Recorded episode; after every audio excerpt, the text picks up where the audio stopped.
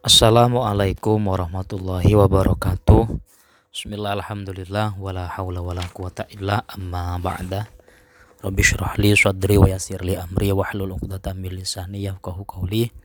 Uh, Pada kesempatan Idul Adha yang masuk di hari tasyrik tiga hari setelah hari raya Idul Adha yang uh, episode kali ini akan mengulas tentang Kitabu Adabil Akli Wad Da'awat Wad Diyafah Menjelaskan tentang adab atau tata krama etika ketika makan wa wad da'awat juga ketika menghadiri undangan atau jamuan wad diyafah undangan juga termasuk di dalamnya jamuan baik itu undangan makan siang, makan malam dan seterusnya.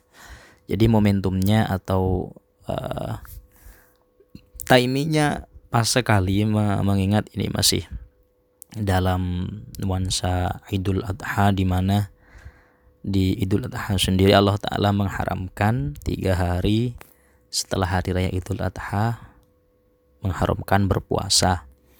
Karena ada salah seorang ulama yang mengatakan bahwasannya saumu huwa ainul maksiat. Jadi berpuasa di tiga hari tasyrik itu termasuk sebuah pembangkangan yang yang luar biasa termasuk salah satu bentuk maksiat yang dibalut dengan ketaatan.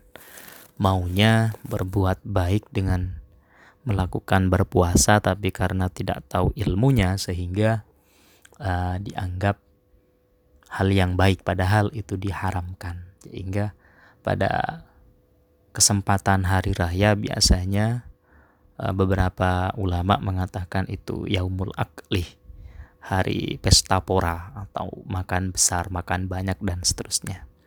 Namun sebelumnya mari kita hadiahkan Fatihah terlebih dahulu. Ila hadratin Nabi Mustafa Muhammadin sallallahu alaihi wasallam.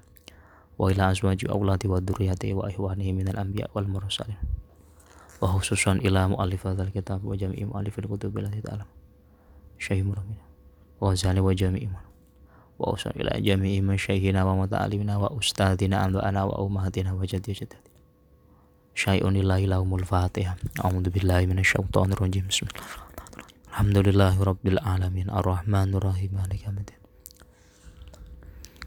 Bismillahirrahmanirrahim. Pembahasan awal tentang uh, etika menghadapi makanan atau ber, ketika makan baik sebelum makan, ketika makan dan setelah makan juga tentang menghadiri jamuan, menghadiri undangan yang uh, notabennya di situ ada suguhan uh, yang yang baik berupa hidangan yang dimakan atau yang diminum dan sudah include di dalamnya. Innallaha ta'ala ahsana tadbirul kainan. Allah ta'ala itu dat yang uh, maha cantik, maha indah dalam mengatur uh, rotasi perputaran ciptaan yang telah Allah ciptakan. Fakholakol was samawat. Kemudian Allah Ta'ala menjadikan langit dan bumi. Wa anzala al-ma'a. Lalu Allah Ta'ala menurunkan air atau hujan dan kadar air tersebut al-furat yaitu ber, memiliki rasa yang tawar. Fa akhraja bihi al-habba wan nabata sebab adanya hujan kemudian siklus pertumbuhan e, tanaman terjadi di bumi ini karena mendapatkan e, nutrisi atau mencukupi kebutuhan mereka wa qaddaral arzaqa wal akwat dari tumbuhan yang telah Allah tumbuhkan di permukaan bumi ini Allah Ta'ala membagi semua rizkinya kepada makhluk untuk akwat sebagai asupan.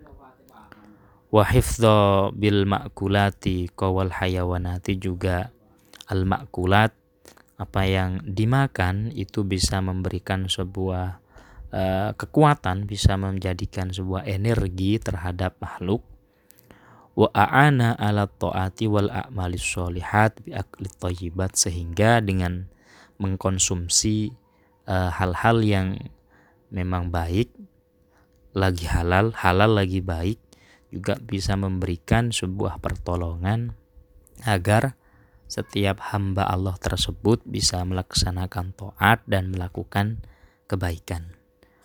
Fasyukron lahu ala uh, mamarril awqat maka niscaya dengan hal semacam ini mm, wajib bagi kita untuk bersyukur atas nikmat yang telah Allah anugerahkan kepada kita. Jadi pada mulanya uh, rezeki yang Allah turunkan dari langit itu bukan berupa makanan, bukan pula berupa uang ataupun pulsa dan semacamnya, akan tetapi uh, bentuknya adalah sebuah proses yang Allah ajarkan kepada manusia bahwa dari hujan atau air yang turun dari langit itu bisa menyuburkan sebuah lahan, sebuah tanah sehingga ketika lahan itu subur ingin ditanami, ingin ditumbuhi apa pun maka bisa menghasilkan sesuatu yang bisa dikonsumsi oleh makhluknya baik berupa binatang maupun manusia dan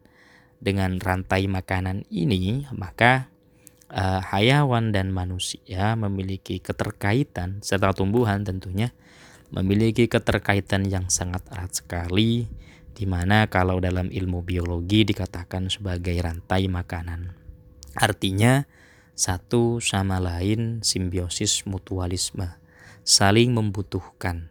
Karena uh, Homo sapiens atau manusia sendiri itu juga termasuk salah satu makhluk yang mengkonsumsi tumbuhan dan juga hewan. Dan itu sudah terjadi sejak lama sekali. Bayangkan kalau uh, bisakah seorang manusia itu bisa bertahan di tempat yang tidak ditumbuhi atau tidak ada penghidupan di dalamnya tentu itu adalah sesuatu yang sejauh ini bisa dikatakan mustahil. Sehingga bentuk rezeki yang uh, Allah turunkan dari langit itu bukan berupa sesuatu yang Eh, materi bukan sesuatu yang instan tapi adalah penyebab terjadinya proses di mana eh, manusia dan makhluk yang ada di bumi bisa hidup dengan saling membutuhkan satu sama lain.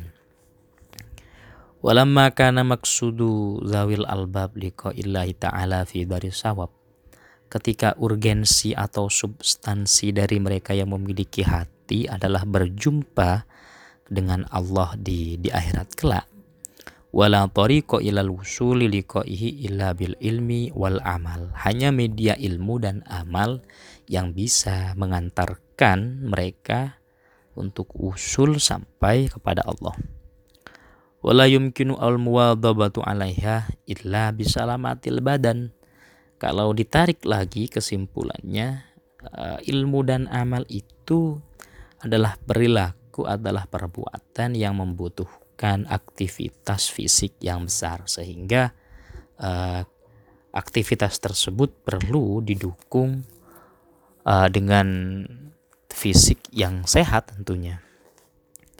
Wala tasufu bisalamatil badani illa bil atima wal akwati dan uh, apa namanya kebutuhan tubuh akan nutrisi, vitamin serta asupan yang ber, memiliki kandungan yang bermanfaat bagi tubuh tentu sifatnya sangat urgensi sekali karena e, kalau ditarik nah, jadi ini pembahasan ini bahasanya di dalam kitab Mau'idatul Mukminin e, dalam ilmu mantik dikatakan e, atau dalam ilmu logika dikatakan sebagai e, pernyataan yang mengedepankan pernyataan-pernyataan khusus lalu ditarik sebuah kesimpulan. Saya lupa apa namanya itu. Jadi uh, jadi premis-premisnya kemudian setelah itu konklusinya kesimpulannya apa. Jadi pernyataan induktif deduktif. Jadi ini pernyataan-pernyataan deduktif gaya bahasa yang digunakan di dalam kitab Mau'idatul Mukminin untuk mengulas satu materi itu biasanya menggunakan gaya bahasa deduktif artinya menggunakan pernyataan-pernyataan umum lalu ditarik sebuah kesimpulan seperti halnya uh, pernyataan umum pertama tujuan manusia hidup untuk bertemu dengan Allah kelak di akhirat.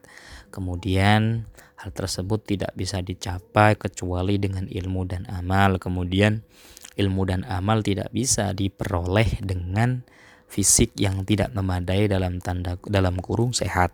Dan sehat ini juga ada kaitannya erat sekali dengan asupan yang diterima oleh tubuh. Sehingga ada kesimpulan ada benang merah untuk bisa mencapai pada pusul kepada Allah maka uh, seseorang harus memiliki tubuh yang sehat tentunya.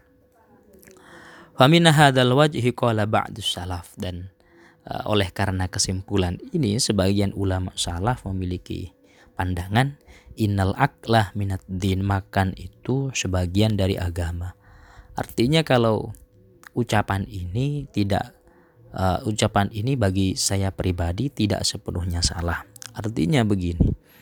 Dengan memperhatikan eh, bahan-bahan atau hal-hal yang menjadi asupan kita sehari-hari juga memperhatikan pola makan kita maka akan menjaga uh, tubuh kita menjadi lebih sehat tentu dengan tubuh yang sehat kita lebih banyak memiliki kesempatan untuk belajar dan ketika kita memiliki kesempatan untuk belajar maka kita lebih banyak memiliki kesempatan untuk memiliki berbuat kebaikan dan menjadi orang yang at-tafaqquh fid din, belajar di dalam masalah agama sehingga korelasinya sangat erat sekali hubungannya. Bukankah di dalam al fi jismis salim di dalam tubuh yang sehat itu ada akal yang sehat pula.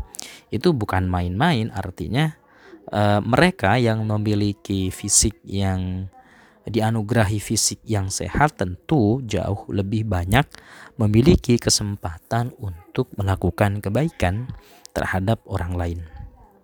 Dan hal ini wa alaihi oleh karena itu nabbaha qauluhu ta'ala Allah ta'ala mengingatkan di dalam firman-Nya surat Al-Mu'min ayat 51 Kulu minat thayyibati wa'malu sholihat Makanlah kalian toyibat. Toyibat ini tentu hal-hal yang yang sudah jelas halalnya di samping halal juga memiliki manfaat yang besar bagi tubuh dari sisi nutrisi, vitamin, mineral, karbohidrat, serta hal-hal yang dibutuhkan oleh tubuh dalam uh, keterangan medis tentu itu sudah dimasukkan ke dalam kategori at-thayyibat dah. Setelah itu wa malu setelah kalian memakan sesuatu mengkonsumsi sesuatu yang thayyibat wa malu as-solihan maka lakukanlah kebaikan karena tentu dengan melakukan dengan mengkonsumsi sesuatu yang baik maka kita punya lebih banyak kesempatan untuk berbuat baik. Nah, oleh karena itu, narsyudu ila din fil akli. Di dalam agama ada bagian yang mengulas tentang tata cara adab bagaimana seseorang itu mengkonsumsi sesuatu. Wahwa salah satu aksam. Nah, ini dibagi menjadi tiga bagian. Al-Qismul awal, bagian yang pertama, fil adabi al mutaqaddimat alal akli uh, pra ketika orang memulai ingin mengkonsumsi sesuatu uh, ini ada lima hal yang perlu diperhatikan. Yang pertama al awal ayyakuna ta'am ba'da kaunihi halalan fi nafsihi thayyiban fi jihati maksibihi. Muafiqon sunnah. Setelah makanan atau hal yang ingin kita konsumsi itu sudah jelas halalnya secara datiahnya artinya apa yang akan kita konsumsi itu secara legal formal itu sudah jelas halalnya maka cara memperolehnya bagaimana? Nah, cara memperolehnya apakah kita membeli apakah kita mencuri apakah kita mengambil hak orang lain atau kita berbuat dolim kepada orang lain? Tentu walaupun walaupun itu halal secara datiah secara uh, bendanya tapi cara memperolehnya tidak halal tentu itu dikatakan juga atau dikategorikan sebagai haram. Karena yang dilihat halal ini bukan bendanya saja tapi bagaimana cara kita memperoleh menghasilkan benda tersebut. Tentu uang hasil korupsi walaupun uang itu halal itu haram tetap tidak bisa dikonsumsi dan tidak boleh itu loh. Wa qad amara ta'ala bi akli thayyib dan Allah Ta'ala memerintahkan untuk mengkonsumsi sesuatu yang baik. Tentunya yang baik itu bahwa al-halalu adalah hal yang dihalalkan. Halal di sini bendanya halal, cara memperolehnya pun juga harus halal. Waqad naha anil akli bil batil dan sungguh Allah Ta'ala telah melarang kita mengkonsumsi sesuatu dengan batil. Batil di sini Eh, berarti antonim dari kata halal yaitu mem, baik barangnya itu berupa barang yang memang haram untuk dikonsumsi atau cara mendapatkannya itu juga haram karena melanggar aturan atau normatif fikih.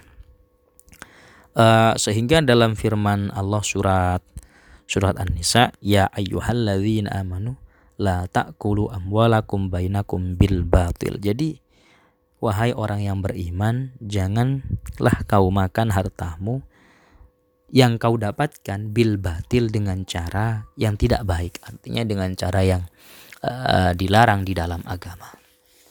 Jadi bukan bukan masalah uh, apa yang kita konsumsi, tapi uh, bagaimana cara kita mendapatkan sesuatu tersebut. Jadi di samping secara datiah barangnya, barangnya itu memang uh, sudah dijelas halal haramnya, cara mendapatkannya pun juga harus didasari dengan kehalalan.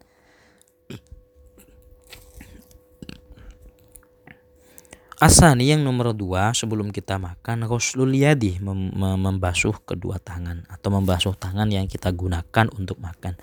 Itu mungkin zaman dulu sebelum ditemukan uh, metal atau besi ya. Kalau sekarang kan sudah uh, makin banyak orang yang menggunakan alat makan berupa sendok dan garpu.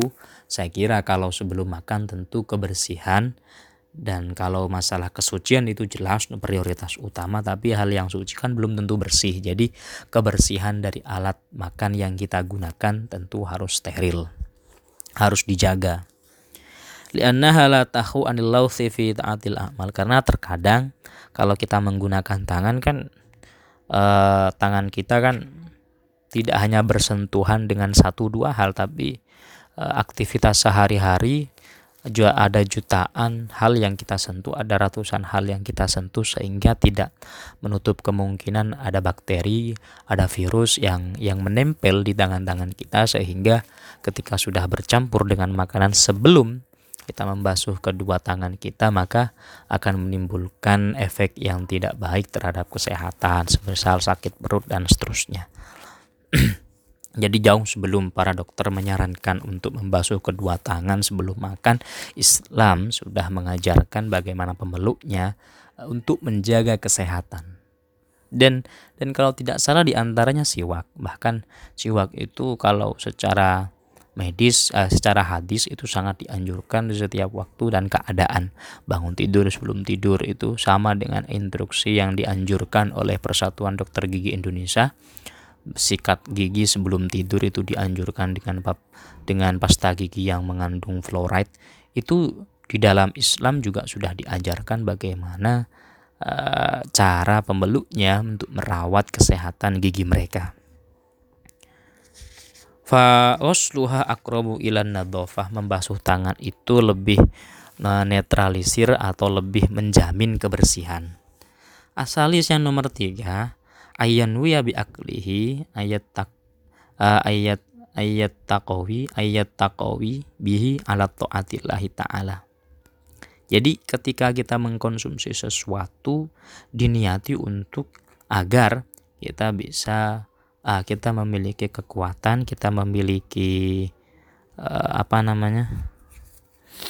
Uh, apa iya, kita memiliki kekuatan dan kita memiliki energi kita memiliki energi untuk berbakti kepada Allah Ta'ala Nah, karena liyakuna muti'an bil akli agar energi tersebut bisa membantu kita dalam melaksanakan aktivitas ibadah baik itu berupa ibadah yang diwajibkan oleh Allah atau sifatnya ibadah yang kolektif. Wa minad darurati niyat alla yamudda ila ta'am illa wa huwa ja'iin. Dan karena niat ini maka jangan sampai menyentuh makanan atau jangan sampai mengkonsumsi makanan kecuali kita sedang lapar gitu loh. Sehingga uh, sebentar fayakunu alju maka keadaan lapar itu uh, menjadikan dirinya ahadu malabud min takdim menjadikan seseorang tersebut alasan kenapa dia makan alal akli nah, sumayam bagi ayar fa'ayada qabla syabi qabla shibai kemudian angkatlah kedua tangan atau berhentilah makan sebelum kenyang jadi karena karena didasari niat niat kita mengkonsumsi sesuatu itu memiliki sebuah kekuatan dan energi untuk melaksanakan aktivitas, maka yang paling etis makanlah ketika lapar dan berhentilah sebelum kenyang. Beda dengan orang yang memang ketika dia makan ingin memuaskan nafsu laparnya, maka dia tidak akan berhenti sebelum perutnya kenyang. Setelah makannya, bah, bukan bukan aneka ragam macam makanan yang ia makan, tapi porsi yang ia makan betul berlebihan itu loh. Jadi porsi yang ia makan tuh berlebihan. Kalau uh, aneka macam makanan yang kita makan dalam satu waktu, saya kira itu tidak masalah. Asalkan uh, porsinya memang benar-benar diatur, tidak sampai melebihi batas ambang kewajaran itu loh. Misalkan setelah makanan besar kita ada makanan pembuka, kemudian uh, makanan pokok, lalu ada hidangan penutup. Entah itu puding, entah itu buah dan semacamnya. Hidangan pembuka misalkan. Ya kue-kue kecil atau semacamnya atau istilah orang makan tuh apa saya lupa itu loh. Dessert atau atau apa itulah Kemudian ar-robi yang nomor empat ayyarda bil maujud min rizki wal hadir min ta'am. Jadi apa pun yang ada di hadapan kita yang sedang disajikan kepada kita ya kita harus terima karena adanya itu atau kita mampunya untuk membeli itu misalkan kalau kita ingin beli. Jadi kalau adanya mungkin nasi pecel ya nasi pecel yang kita makan. Jadi jangan sampai makan itu sebatas menuruti keinginan saja. Nah, berdasarkan uh, keterangan ini saya kira uh, menu yang disajikan itu kalau bisa baik kita membuatnya sendiri atau membeli itu ya yang bervariatif itu loh maksudnya bervariatif agar uh, me menganulir atau meminimalisir rasa bosan terhadap satu menu makanan saja al khamis yang nomor lima ayaj tahida fi takthiril aidi alat to'am jadi kalau makan tuh yang rame-rame itu walau min ahlihi wa waladihi walaupun bersama dengan kerabat, kolega, keluarga, teman dan semacamnya. Fa inna khairat ta'ami ma kathrat alahi aidiyah. Karena makanan terbaik itu adalah makanan yang dimakan dengan cara rame-rame. Berdua, bertiga, jangan sendirian itu loh. Wa kana Nabi sallallahu alaihi wasallam layak wahda dan Nabi itu tidak pernah makan sendiri. Beliau selalu makan dengan uh, istri beliau dan keluarga beliau tentunya. Al-qismus bagian yang nomor dua fi ada bihalatil aklis. Ketika kita makan itu juga memiliki tata krama yang perlu diperhatikan. Wahwa yang pertama yabda bismillah bibas bibismillahi memulainya dengan membaca bismillah fi awalihi ketika mengawali memakannya. Wabil hamdi fi akhiri dan membaca alhamdulillah ketika selesai dari aktivitas makan. Dan kalau bisa dikeraskan baca bismillahnya agar orang yang makan bersama kita di sekitar kita atau di meja kita ketika mereka lupa kita juga bisa mengingatkan mereka sebelum makan untuk membaca bismillah. Waya bil yumna dan usahakan makan dengan tangan kanan. Wa luqmah dan uh, apa namanya? Lukmah itu puluhan atau uh, yang kita ambil. Itu jangan terlalu banyak. Artinya jangan sampai menggunakan lima jari. Kalau menggunakan tangan ya kalau porsi dalam satu sendok itu saya kira itu sudah ideal dan sudah proporsional untuk masuk ke dalam mulut dan dikunyah oleh mulut itu jadi jangan sampai menggunakan sendok yang terlalu besar. Ya sendok makan. Akan ada sendok makan kemudian ada sendok teh itu porsinya dan uh, itu sudah ideal sekali itu. Tidak terlalu banyak tidak sampai ke atas dan seterusnya. Wa yujawidu dan perbanyaklah untuk mengunyah makanan tersebut. Jadi seperti yang sering saya baca di artikel kesehatan, ada orang yang bertanya bagaimana cara menurunkan berat badan, uh, tapi dia masih suka makan itu. Jadi salah satu caranya ketika anda mengunyah makanan tersebut yang saya baca di artikel media kesehatan, uh, perbanyak atau yang lama mengunyahnya itu. Dan hal tersebut juga ada di dalam keterangan kitab hadis untuk memperbanyak uh, pengunyahan yang dilakukan oleh mulut. Karena semakin lama kita mengunyah itu akan meng, uh, mulut kita itu akan mengirim sinyal kepada otak secara medis ya. Saya juga kurang paham itu loh. Cuman dikatakan di dalam artikel tersebut kalau kita mengunyah lama maka akan mengirim sinyal kepada otak kita bahwasanya kita sudah kenyang gitu loh. Ya coba silahkan saja dicoba itu wa malam ya batala'aha lam yamut al yadu ilal ukhra. Selagi belum habis apa yang kita kunyah maka jangan beranjak untuk mengambil makanan yang lain. Habiskan dulu apa yang sedang kita kunyah baru tangan kita bisa menjelajahi makanan-makanan yang lain. Karena hal tersebut fa inna dzalik ajlah karena dikatakan sebagai bentuk kesusu itu loh wa yakula mimma yalihi dan ya makan sah apa yang sedang ada di hadapan kita dan apa yang disajikan kepada kita. Dengan tata cara makan seperti yang ada di atas pelan mengunyahnya yang banyak porsi yang dimasukkan ke dalam mulut juga ideal dan proporsional tidak terlalu banyak dan seterusnya. Wa amasyurbu fa adabuhu ayyakhudal kus biyaminihi. Ya, ketika minum ambil dengan tangan kanan. Wa yaqulu bismillah baca bismillah wa yashribuhu mason wala abban. Jadi tata cara meminum itu di bibir itu ditempelkan kepada bibir gelas. Jadi antara gelas dan bibir kita itu saling bertemu. Itu namanya mason, diseruput. Nah, jangan di diseruput itu berarti dengan cara pelan-pelan itu loh. Bukan diteguk langsung. Abban itu diteguk secara langsung itu. Jadi biar tidak tersedak gitu loh wala buko iman dan posisi meminum itu ya kalau bisa jangan berdiri. Karena ada beberapa artikel kesehatan yang juga saya baca uh, kalau untuk menghindari kencing batu dan semacamnya atau gagal ginjal dan semacamnya usahakan kalau meminum itu jangan berdiri. Bahkan hal ini pernah dipesankan oleh di, di dianjurkan oleh salah seorang dokter yang saya temui di di Kediri dulu ya, salah satu akibat uh, orang mengalami kencing batu itu di antaranya mereka ketika minum sambil berdiri. Ya wallahu alam saya juga tidak paham kalau uh, tidak mengerti itu loh. Jadi kalau anda percaya dengan sumber yang saya sertakan ya silahkan. Kalau tidak ya silahkan. Tapi yang jelas etika orang minum itu duduk. Kalau tidak ada tempat duduk ya mungkin bisa dilakukan dengan jongkok. Hmm.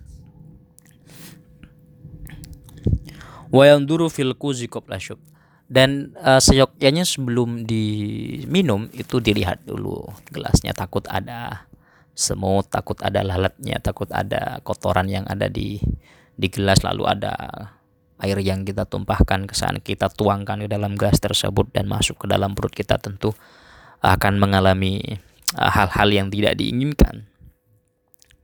Wala dan jangan terlalu bersendawa ya. Jadi bersendawa itu jangan gelegean itu jangan keterlaluan. Walayatanafasu fil kuzi dan jangan bernafas ketika minum ya tahan nafas lah agar diatur karena asupan air yang masuk ke dalam tenggorokan itu berbanding lurus dengan udara yang dihirup oleh hidung. Kalau bersamaan dilakukan maka takut tersedak dan teng, uh, air yang harusnya masuk melalui tenggorokan akan menguap melewati hidung hingga mengakibatkan batuk tentu itu tidak enak sekali saya pernah mengalami dan itu tidak enak sekali itu loh Al-Qis musalis bagian yang nomor tiga mayustahabu ba'da ta'am. Nah, setelah makan apa yang harus kita lakukan? Ayam sakakop shiba dan seterusnya itu yang pertama eh, berhentilah sebelum kenyang. karena kata Nabi makanlah ketika kalian merasa lapar dan berhentilah sebelum kenyang. Tentu ini pola makan diet. Bagi mereka yang tidak ingin gemuk tentu ini salah satu pola makan cara bukan asupannya tapi cara makan yang dianjurkan. Untuk menjaga idealisme eh menjaga tubuh tetap ideal menjaga berat badan tetap ideal jadi ya makanlah ketika lapar dan berhentilah sebelum kenyang Uma yaghsilu yadaihi basuhlah kedua tangan kalau menggunakan tangan, kalau menggunakan sendok ya dicuci alat makannya. Wa yatakhallalu wa yarma al makhraj bil khalal, berkumur, kemudian menggunakan itu penusuk tusuk gigi untuk menghilangkan uh, apa namanya? untuk mengangkat eh, sisa-sisa uh, makanan yang menempel di gigi kita atau kalau ingin lebih bersih maka tetap gunakan sikat gigi untuk membersihkan gigi kita dari eh, sisa-sisa uh, makanan yang bisa menyebabkan karang, bisa menyebabkan gigi kita sakit dan seterusnya itu loh. Dan yang paling penting setelah makan itu ayasyukurah lillahi ta'ala biqalbihi. Mensyukuri nikmat yang telah Allah berikan dengan hatinya. Ala ma'at amahu. Atas nikmat yang telah Allah berikan berupa makanan tersebut.